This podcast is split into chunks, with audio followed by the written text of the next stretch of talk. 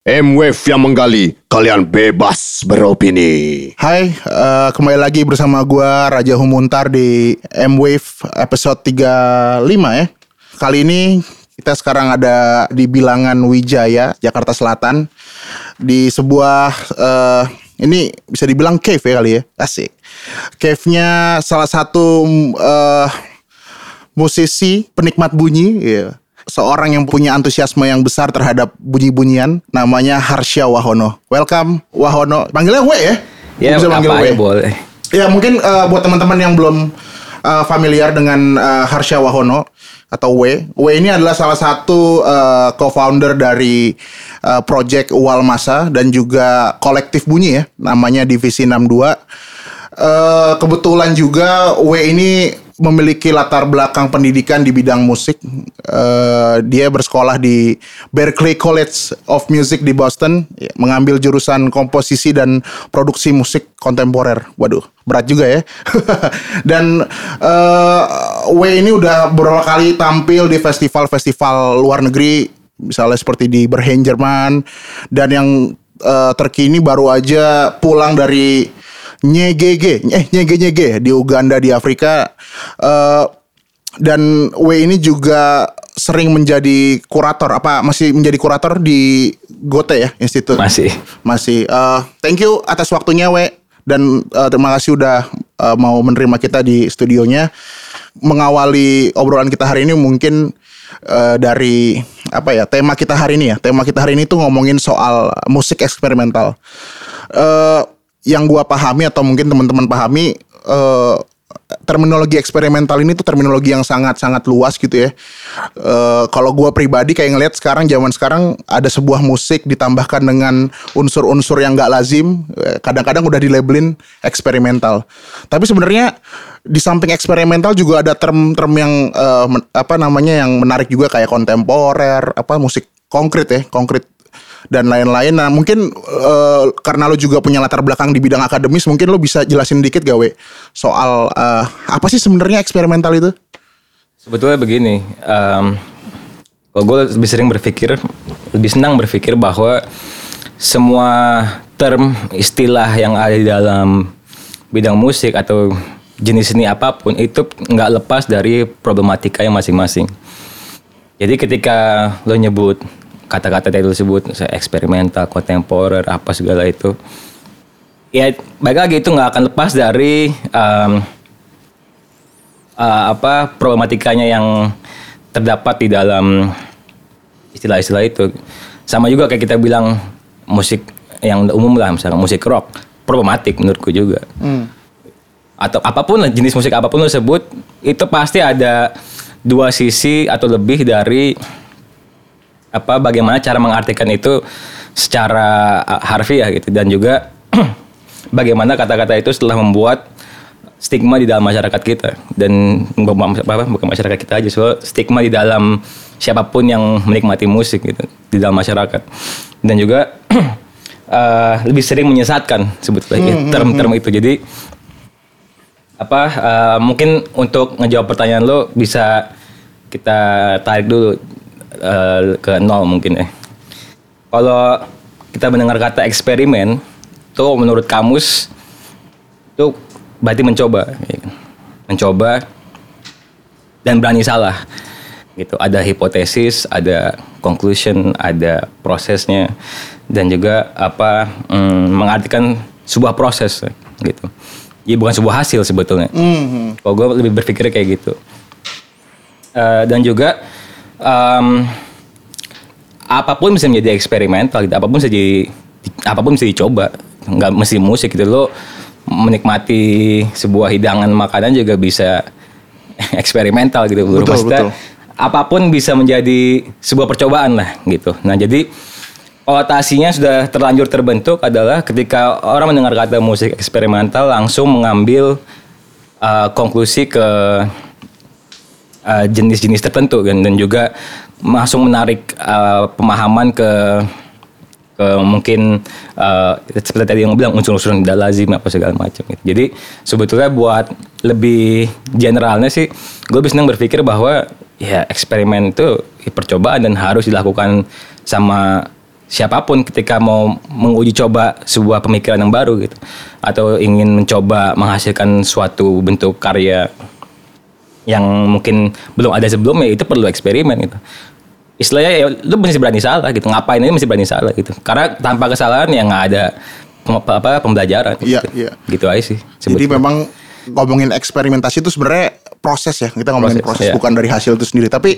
eh, untuk sebagai pengetahuan sedikit lah ya buat teman-teman semua, mungkin kita mungkin bisa berawal dari sejarah dari pergerakan musik eksperimental Hmm.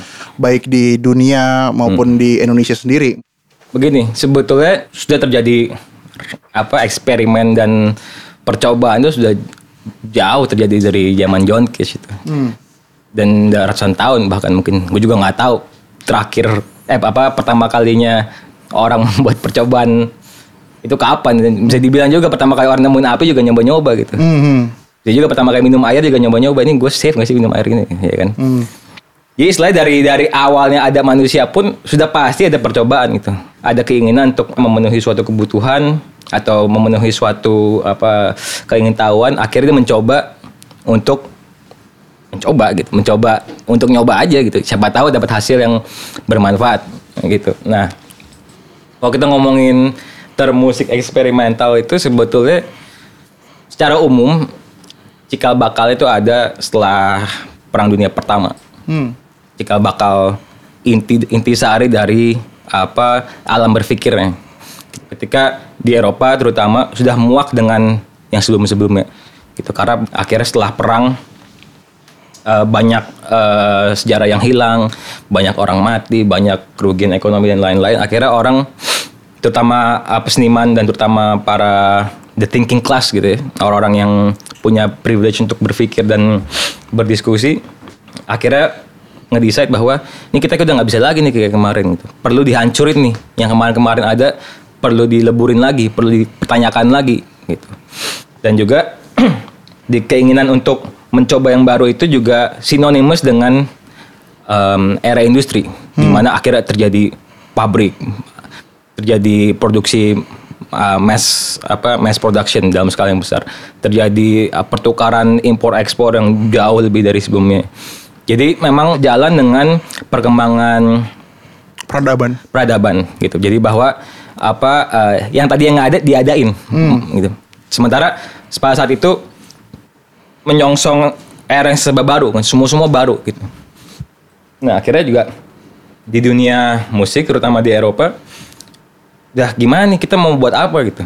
Apalagi yang perlu di break gitu karena eh, nggak lama sebelum itu pun akhir tahun 1800-an juga sudah ada eksperimentasi di musik Eropa sudah ada gitu Menco- mencoba untuk uh, keluar jalur atau menc- mencoba ide-ide baru yang mungkin nggak lazim dilakukan sama orang Eropa pada saat itu. Jadi sebetulnya agak sulit juga dijawab karena juga nggak tahu pertama kali ada sebuah konstruk akhirnya ada orang-orang yang decide menghancurkan konstruk itu menghasilkan baru juga nggak tahu kapan gitu.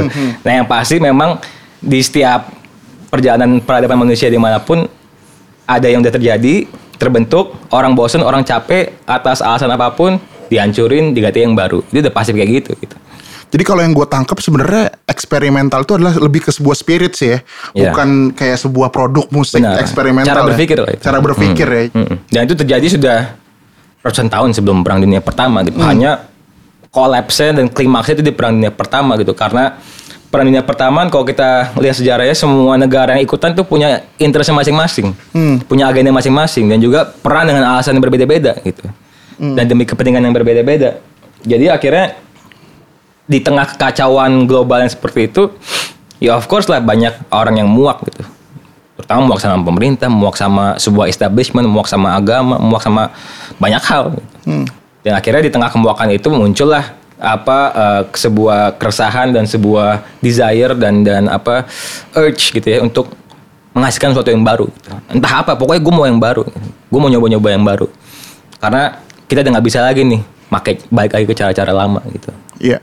Dan tadi kita juga sempat ngobrol sebelum eh, kita mulai podcast ini bagaimana eh W juga eh, menjelaskan bagaimana sebenarnya eh, musik yang kita pahami sekarang itu kan lebih ke sebuah produk gitu ya.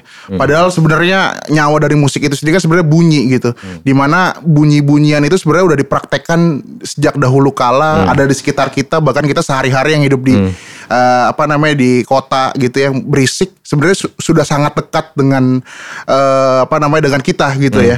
Lu gimana ngelihat soal eh, pemikiran bahwa bunyi itu masih kurang dieksplor oleh eh, orang-orang zaman sekarang, khususnya musisi gitu. Em, sebenarnya gini, ketika masyarakat umum mendengar kata musik sudah langsung sinonimus dengan ya ngeband, Iya. manggung, apa namanya kalau sekarang bikin konten di Instagram, apa tutorial gitu-gitu. Nggak salah, sama sekali nggak salah. Hanya yang salah adalah ketika hanya itu definisinya yang yang dipahami dipahami secara umum. Nah gitu. Jadi memang sebetulnya yang perlu ditelaah lagi relationship kita dengan kuping kita itu seperti apa gitu. Bagaimana cara kita menafsirkan apa yang kita dengar gitu. Bagaimana apa yang kita ya apa bagaimana apa yang keluar dari mulut kita pun akhirnya akan didengar orang. Jadi maksudnya yang perlu dipertanyakan dan perlu dibicarakan lagi adalah ya itu deh apa sensitivitas kuping kita dan juga sensitivitas kita sama apa em, lingkungan sekitar dan barang-barang sekitar gitu. Nah, yang apa em, terjadi semenjak era industri di awal seperti gue bilang tadi di awal perang dunia pertama itu terjadilah terbentuklah medium rekaman. Teknologi rekaman akhirnya terbentuk dan mulailah diproduksi piringan hitam. Yang awal tujuannya lebih ke untuk politik mungkin zaman itu. ya implikasinya lebih ke dunia ko dunia komersil sebenarnya mass product gitu ya gini aja tadinya orang mau menikmati musik mesti pergi ke suatu apa em, acara. Kalau di Eropa kan ke opera ke teater atau ke apa ke concert hall gitu atau kalau di di Asia mungkin lebih dekatnya dengan suatu public gathering atau ritual experience mendengarkan bunyi itu bukan sesuatu yang diperjualbelikan sebelum ada medium rekaman dan semua ada industri gitu. Ya of course maksudnya apa sudah diperjualbelikan dari zaman orang beli tiket masuk opera sebetulnya. Cuma sebetulnya uh, umumnya secara universal gitu uh, experience mendengar itu bukan diperjualbelikan. Cuma untuk apa uh, di- di- dilakukan secara kolektif dan demi kepentingan yang mungkin uh, lebih dari jasmani gitu ya. Spiritual dan juga uh, uh, secara intelek. Gitu. Dan jadi em, setelah terciptanya industri rekaman tercipta, tercipta- terciptanya industri musik industri entertainment terutama akhirnya orang terbiasa dengan menganggap musik itu sesuatu yang diperjualbelikan aja gitu nah itulah yang akhirnya kemudian juga uh, uh, banyak di, di, di, didebatkan dan banyak di, digugat sama seniman-seniman yang uh, di wilayah musik yang ingin keluar dari tuntutan kenapa saya mesti menjual experience gitu. Bagaimana cara kita balik lagi ke unsur-unsur primordial sebetulnya. Bagaimana cara menikmati uh, uh, uh, apa apa yang kita dengar. Bagaimana cara mengeksplor potensi kuping kita kayak gitu. Jadi memang se apa perkembangan bunyi ya dan musik ini memang seiring juga sama perkembangan industrialisasi Oh, pasti. secara garis besar. Eh, baru-baru ini lu baru aja ngeluarin komposisi kompos eh buat teman-teman yang belum tahu. Jadi eh, W baru eh, di masa pandemi ini dia mengumpulkan eh, memberikan apa ya kayak mengajak teman-teman dan seluruh orang untuk mengirimkan bunyi-bunyi yang ada di sekitarnya kepada W. Lalu W melakukan eh, mixing ya. Mungkin eh, mengom- mengkompos bunyi-bunyian sederhana itu menjadi sebuah musik yang bisa lo cek di bandcampnya divisi 62 Eh, bisa cerita sedikit dong W soal komposisi kompos ini apa sih motivasi lo bikin kayak ginian gitu? Sebetulnya proyek yang kita inisiasikan em, mengajak orang untuk eh, kon- apa menemukan confidence dan kepercayaan diri dan menemukan kreativitas di masa-masa isolasi pada saat itu. Eh, untuk mengekspresikan apa pun yang dia inginkan melalui bubunyian yang dihasilkan oleh gerakan fisik atau interaksi fisik. Nah, proyek itu kita rilis, eh sorry, apa kita inisiasikan dengan uh, mempu- mempublikasikan beberapa list of instructions untuk ngasih guideline lah ke orang-orang gitu, bahwa oke ngasih challenge dan dan biar fun aja sebetulnya kan. Iya.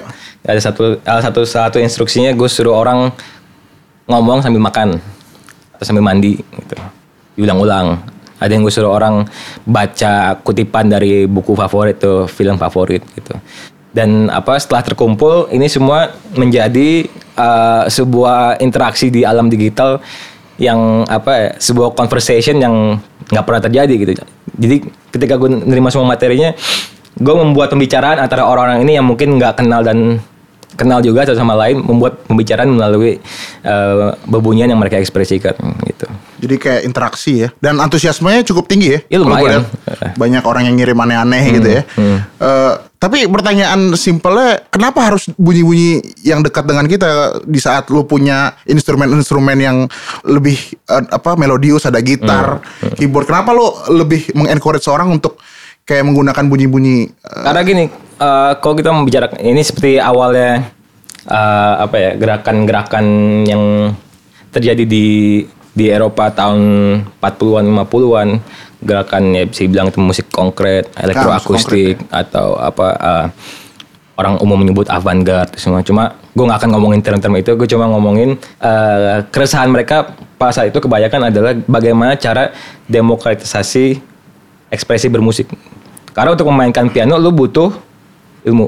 Iya. Lu untuk memainkan musik secara umum yang orang paham butuh ilmu. butuh kos juga beli alat butuh kos musik. juga.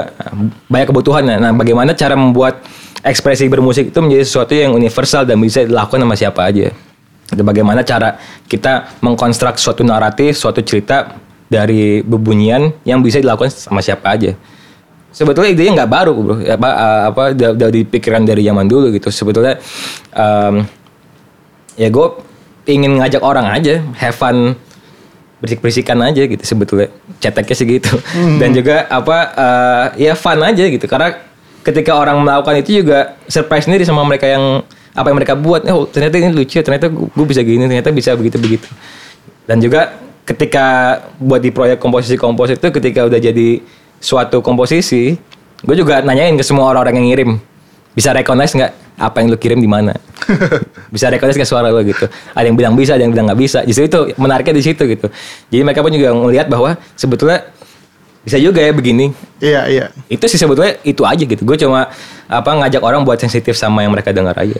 Jadi ini masuk kategori musik konkret lah ya dalam tanda kutip mungkin bisa dibilang Ya, kayak gitu. bisa dianggap seperti itu. Walaupun kita juga bilang eh, semua term itu ada masalah masing-masing. Hmm, dan juga eh, kalau menurut gue pribadi term musik konkret itu udah sangat nggak relevan karena bukan hal yang baru itu itu maksudnya ya sekarang gini lah apa semua orang udah punya akses untuk produksi musik. Bisa bajak software bisa minjem Iya, komputer orang gitu. Udah nggak ada alasan buat udah nggak ada apa eh, eh, alasan untuk untuk nggak membuat sesuatu. Dan juga di situ pun udah ada teori-teori musik konkret tuh udah ngambil sampel download gratisan Gamelan misalnya. Nah, ya apa Eh, aja pokoknya gitu. apa bunyi-bunyian lah ya. Iya, uh, uh, udah ada praktek ngambil file yang bisa dibilang ya mungkin wujudnya bukan konkret gitu ya. Cuma ya ini ada, ada data ini diambil, dikoprek, jadiin barang lain.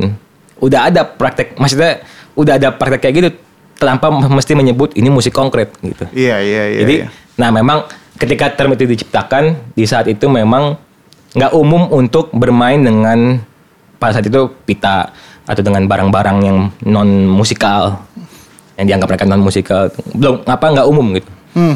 Cuma setelah dicetuskan term itu gerakan-gerakan itu um, udah hampir 100 tahun yang lalu bro. ya kan 80 tahun lalu. Nah sa- sa- dari perkembangan zaman pun sebetulnya orang selalu melakukan itu. Tanpa Even- tidak disadari ya. saya dari sadari sebelum term itu disebutkan atau dilempar ke masyarakat dan setelahnya orang melakukan terus gitu. Hmm. Kita melihat suatu barang ada imajinasi akhirnya nge-transform barang itu menjadi sesuatu yang fit ke imajinasi kita. Ya itu udah udah udah mau gimana lagi emang itu naluri manusia gitu untuk untuk untuk ngoprek dan untuk melihat sesuatu untuk eh, kayak gue nggak terima nih kayak ini kayak bisa jadi yang lain kayak gitu. Itu udah udah udah naluri gitu. Jadi apa baik lagi tanpa nggak ada ada nggak ada term itu pun udah di dalam Diri jiwa kita gitu ya. jiwa manusia secara universal gitu. eh, sedikit setelah kita ngomongin musik konkret ada term-term yang menarik kayak misalnya kontemporer contohnya. Dan kalau ngomongin kontemporer sebenarnya eh, di budaya kita ya, budaya Indonesia, budaya Nusantara lah bisa kita bilang, kita tuh punya apa namanya sebenarnya punya akar-akar musik-musik kontemporer yang sangat-sangat diverse. Prospek musik kontemporer di Indonesia sendiri dari kacamata lo gimana sih, We? Masih banyak yang belum dieksplor? Apa sudah dieksplor tapi belum dilakukan dengan tepat? Apa gimana menurut lo, We? Sebenarnya gini, eh balik lagi, gue ingin mel- meluruskan kata kontemporer itu sendiri. Sebenarnya kontemporer itu kok buat gue sih apa pun yang terjadi di masa kini, apa pun yang terjadi sekarang itu sudah kontemporer. Mau itu dianggap musik kontemporer atau enggak itu perihal lain. Cuma gue lebih menafsirkan bahwa semua yang terjadi sekarang nih di masa yang kita alamin itu kontemporer. Jadi semua itu kontemporer pada zamannya Hmm, hmm. konteks konteks gitu. Dan zaman pada zaman itu ya. dulu zaman Bach juga dia kontemporer. Oh, Udah ratusan tahun baru disebut musik klasik. gitu kan. Dulu Jimi Hendrix juga zaman dia kontemporer. Akhirnya sekarang kita nyebutnya orang nyebutnya klasik rock. Gitu. Ya inilah apa problematika-problematika setiap term tuh begitu. Ketika ketika manusia itu akhirnya ujung-ujungnya menciptakan term yang sesuai dengan apa kepentingan-kepentingan jurnalistik, kapitalis atau whatever gitu. Cuma betul betul. Baik lagi, nanti apa yang kita anggap kontemporer 200 tahun lagi kalau manusia masih ada dianggapnya tahu Klasik. apa? Eh, bisa jadi klasik, bisa jadi apa tahu ya kan? Kita ciptain lagi term baru. Oh, apa 2020 classical gitu kan atau apa kan nggak tahu kita. Kita nggak nggak akan tahu manusia di masa depan akan ngasih term apa buat peradaban kita sekarang gitu. Jadi Iya. ya itu dia maksudnya eh, eh, baik lagi ya kontem semua juga kontemporer hari gini, Bro. Hmm, hmm. Gitu. Jadi sebenarnya term-term itu sebenarnya yang melabel itu yang manusia itu sendiri ya, maksudnya khususnya mungkin jurnalis, pebisnis, eh, ya kan. Eh, untuk ngomongin musik-musik eksperimental, musik tadi kita udah ngomongin musik konkret, sebenarnya kayaknya nggak nggak nggak apa namanya eh, nggak mungkin kita tidak menyebutkan satu nama yaitu Selamat Abdul Syukur. Kalau menurut apa namanya literatur-literatur dia kan salah satu orang yang memang punya apa namanya entusias terhadap hal-hal ini gitu.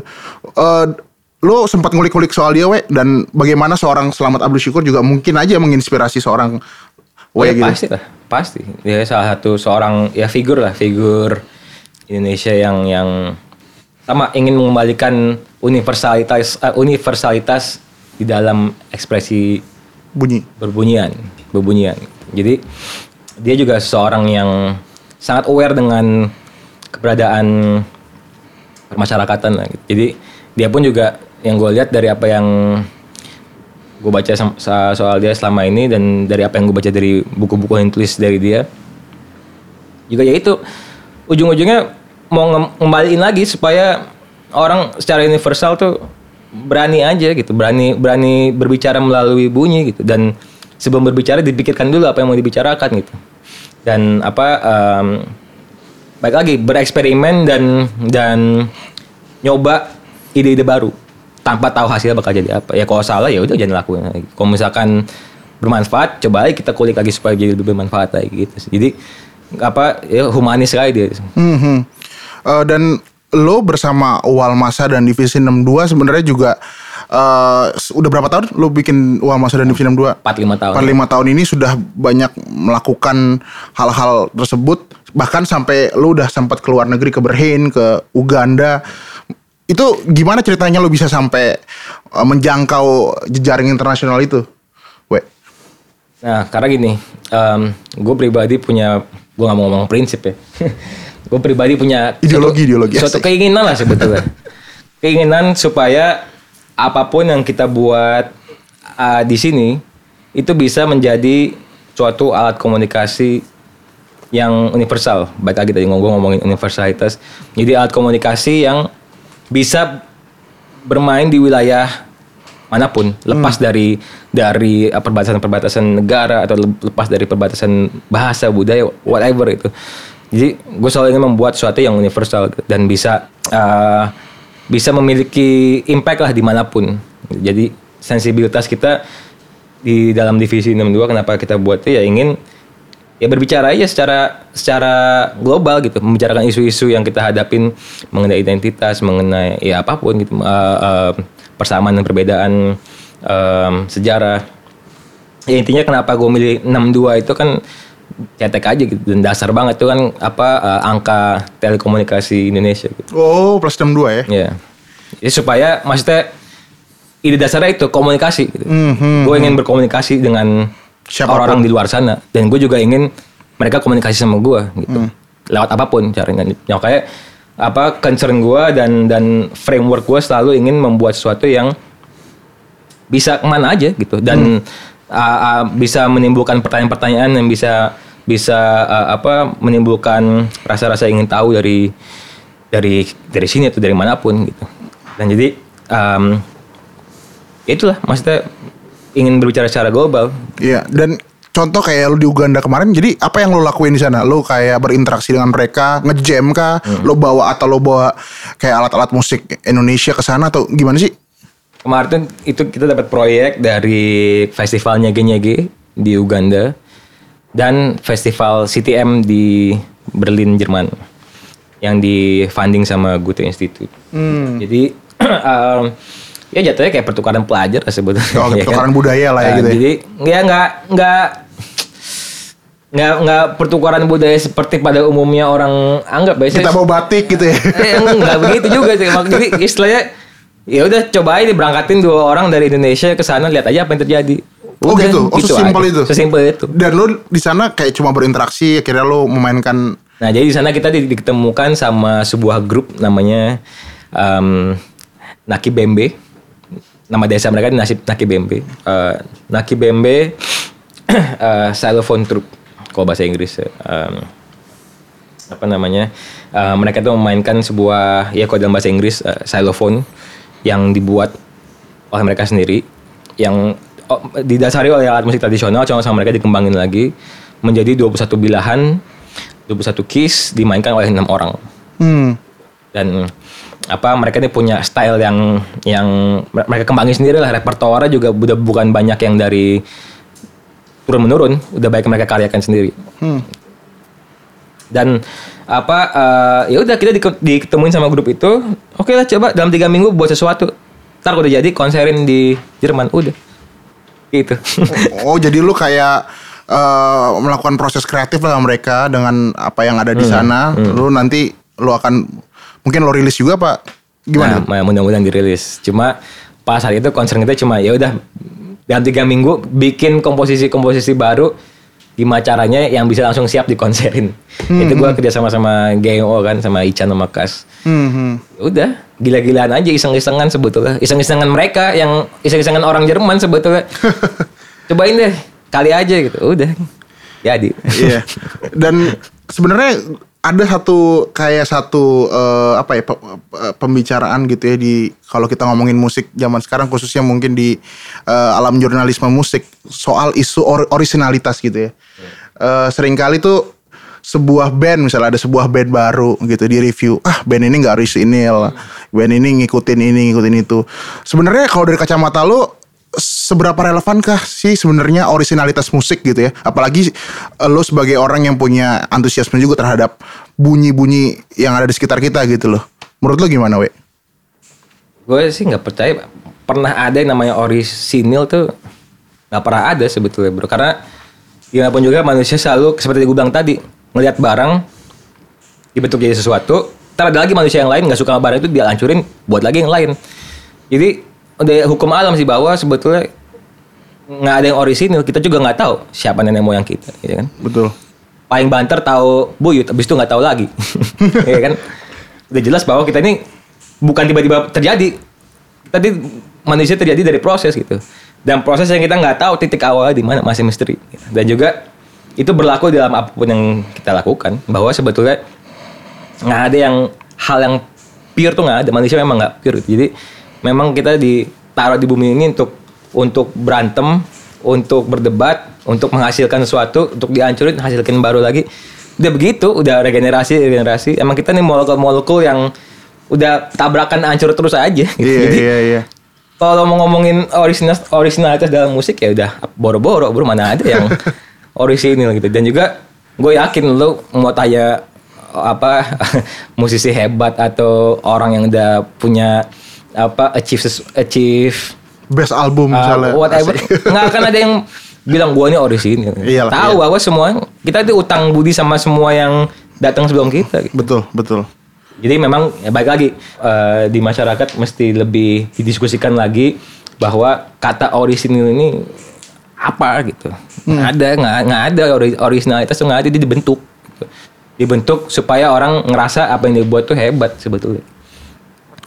Dan kayaknya di zaman corona ini sebenarnya eh, prospek orang soal musik-musik konkretnya jadi makin besar ya karena kita kan diem aja di kamar, kita rindu sama apa dengerin musik, datang ke konser. Jadi sebenarnya prospek orang-orang mengutilize barang-barang di jelas. sekitar kita tuh makin Jelas. tinggi ya sebenarnya. ya. Ya dan eh We, lo kan sekarang juga s- selain lo juga dengan project-project lo gitu kan, lo juga seorang sound engineer ya. Ya. Lo banyak juga memproduce, ya itu di, sis- dari sisi bisnis lo ya. Walaupun kita tadi juga punya apa namanya, punya skeptisme terhadap musik yang dikonstruk sekarang ini, lo juga akhirnya lo berkecimpung di situ juga kan untuk untuk untuk menyambung hidup lah gitu kan. Nah, lo ngelihat eh, ya perkembangan musik lah di Indonesia sekarang kan lu juga produce beberapa uh, apa namanya project. Lo, lo lo melihat bagaimana perkembangan musik secara umum lah di Gini. Indonesia? Gini, semenjak adanya platform-platform digital seperti YouTube, Spotify dan lain-lain, ini kan masih belum banyak difahami sebagai ini tuh instant instant international distribution deal. Istilahnya apa? Udah nggak kayak zaman dulu orang jualan CD kaset.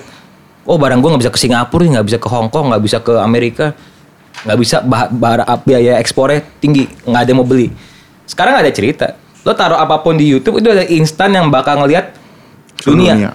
yang bisa akses seluruh dunia. Jadi nggak nggak apa, udah nggak ada lagi tuh batasan barang lo buat bisa ke mana aja.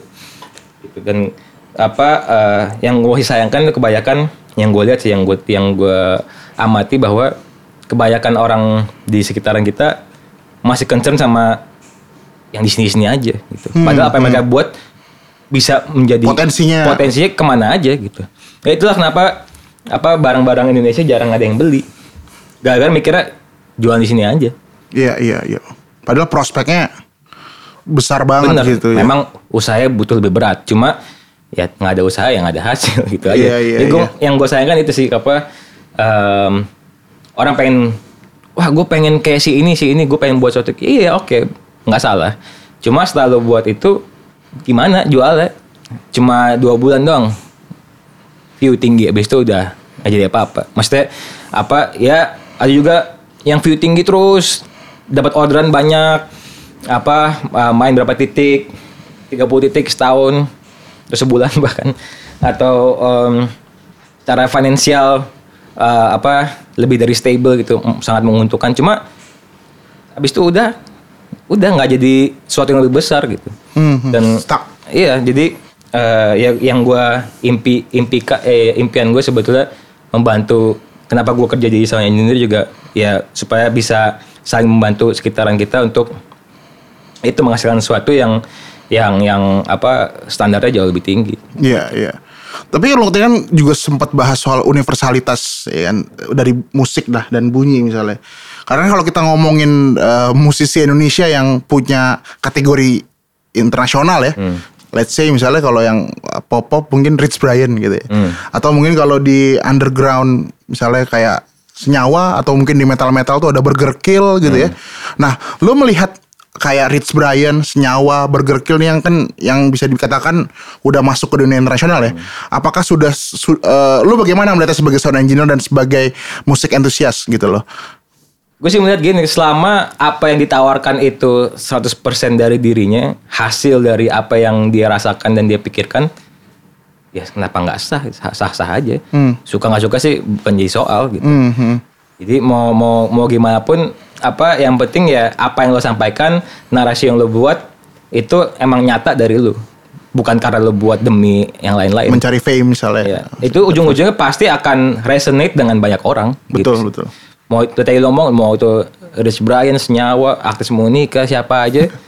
itu akan terlihat trayeknya berdasarkan apa yang mereka buat. Apakah dibuat demi memenuhi kepentingan algoritma atau emang ada dari dalam diri dia mau dia sampaikan. Nah, dia kan jadi beda soal gitu. Dan apa em, iya maksudnya gue gue ngarepin em, bisa lah kita punya barang yang yang yang apa eh, eh, eh, ber, berkedudukan tinggi secara cultural di tempat-tempat lain gitu. Eh, kalau ngomongin praktek musik eksperimental lah di, eh, di di di zaman sekarang khususnya di Indonesia ya, yang yang masih menjadi di apa di yang masih gua lihat tuh yang sekarang skenanya cukup besar kan contoh di Jogja tuh misalnya kan mereka punya skena eksperimental yang besar gitu ya. Eh lu apa pernah berinteraksi dengan mereka lalu lu bagaimana melihat prospek itu contohnya di scene Jogja misalnya soal Iya udah, udah, eksperimental. udah gue jawab tadi sebetulnya. Jadi bahwa mereka ini buat apa yang mereka buat karena memang ingin melakukan itu. Hmm, hmm, hmm. Merasakan itu semua perlu yang dikeluarin, perlu yang dibuat, ya dibuat lah gitu. Mau itu jadi kayak apa, mau diterima apa enggak, bukan jadi Urusan nanti. Urusan nanti. Iya. Itu kenapa banyak dari artis-artis seniman-seniman di Indonesia yang menarik bagi banyak orang dan banyak disorot dari sana karena di Jogja memang orang begitu. Hmm, hmm. Gue uh, nggak tahu lagi gimana cara jawabnya. Emang emang tulus membuat apa apa itu tulus gitu. Emang dari dalam dirinya. Iya, iya, iya, iya. Sementara apa uh, uh, nggak semua orang bisa melakukan itu. Udah gitu aja. Kayaknya gak afdol ya we kalau kita udah di sini ngobrol-ngobrol ngomongin eksperimental musik tapi kebetulan karena kita di studio lo mungkin lo bisa gak sih sedikit ya mungkin kita bisa bareng-bareng juga nih ada Rio ada Akbar ada yang lain-lain mungkin bisa gak sih kita praktekkan sedikit Ya, coba. musik-musik konkret kita coba gitu lah, kita Ya, musik- coba. kita coba Ya. karena kan lo juga baru ngeluarin komposi kompos kenapa nggak kita bikin impromptu jamming anjir ya kan Eh tapi sebelumnya gue mungkin mengucapkan terima kasih dulu buat Oke, sama-sama. bu- buat, buat W udah menerima kita di sini sukses buat eh, divisi 62 buat UAL Masa semoga eh, pembicaraan kita hari ini tuh semakin menyadarkan kita bahwa sebenarnya eh, kuping kita ini masih masih sangat minim dieksplorasi gitu dengan bunyi-bunyi yang ada di sekitar kita. Apalagi buat kita-kita yang hidup di kota, hidup di Indonesia yang sangat erat sama bunyi-bunyian lah gitu kan. Jadi harapannya ya teman-teman bisa bisa mengeksplorasi lebih banyak lagi bunyi-bunyi yang ada di sekitar kita. Thank you ya, We, Ya, atas waktunya. Makasih. Di sini gue udah nyiapin beberapa sound sources yang menggambarkan sound palette yang lagi sering gue gunakan belakangan ini. Ada satu bilah bender Slentem yang diproses melalui pitch shifter dan beberapa virtual instruments yang gue rakit dari eh, beberapa rekaman ya. Ada sampel bunyian besi dari kipas angin, kayu triplex, dan dari vokalisasi spontan. Ada juga sampel rekaman-rekaman dari radio El Shinta yang gue rekam pakai HP di mobil. Ada juga physical modeling synthesis untuk simulasi instrumen perkusi dan bass. Gue akan mengimprovisasi sebuah piece menggunakan palet-palet yang udah gue siapin selama kurang lebih eh, 10 menit. Kemudian untuk piece kedua, gue akan ngajak semua teman-teman yang lagi ada di sini untuk saling berdialog berdasarkan beberapa variabel yang udah gue tentuin. Variabel-variabel tersebut ada tepukan tangan berjumlah 9 ketuk, ada sebuah simbal, dan ada dua majalah, satu komik, eh, majalah Mitra, dan komik berjudul Siksa Neraka. Gue sendiri akan memainkan virtual instruments yang gue buat dari suara modulasi suling dan kendang. Selamat mendengar.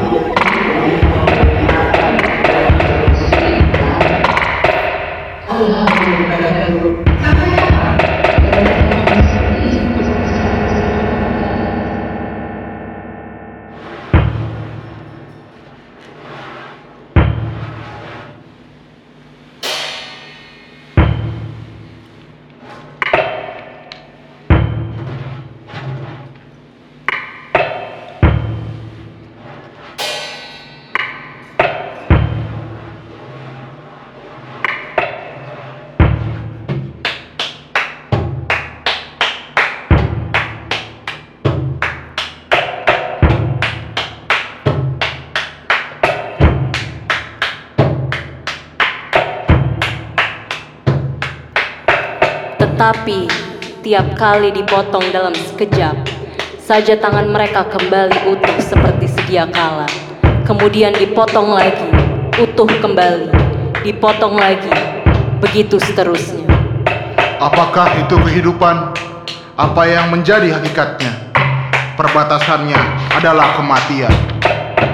Vitalisme, finalisme, Utuh kembali, sebuah organisme, sistem yang mengatur dirinya secara sibernetik.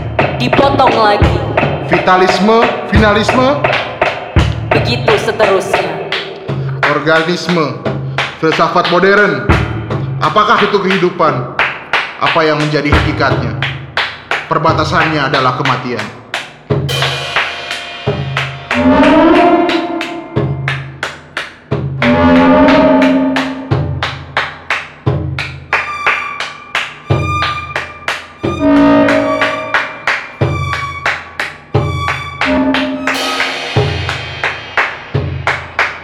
Dipotong lagi, Vitalisme, finalisme,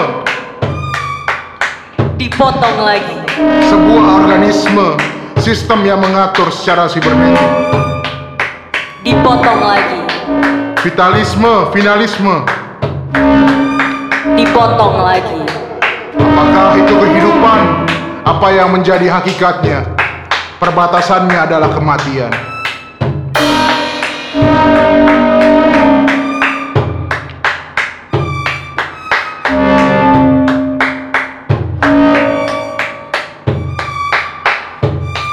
Vitalisme, finalisme, sibernetik, organisme.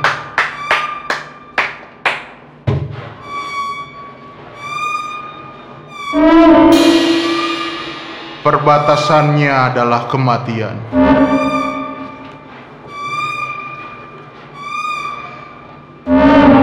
Perbatasannya adalah kematian. Kemudian dipotong lagi, Perbatasannya adalah kematian. Dipotong lagi, Perbatasannya adalah kematian. dipotong lagi, Vitalisme, finalisme, organisme secara sibernetik. begitu seterusnya, Perbatasannya adalah kematian. begitu seterusnya, Apa yang menjadi hakikatnya? Perbatasannya adalah kematian. utuh kembali, Perbatasannya adalah kematian.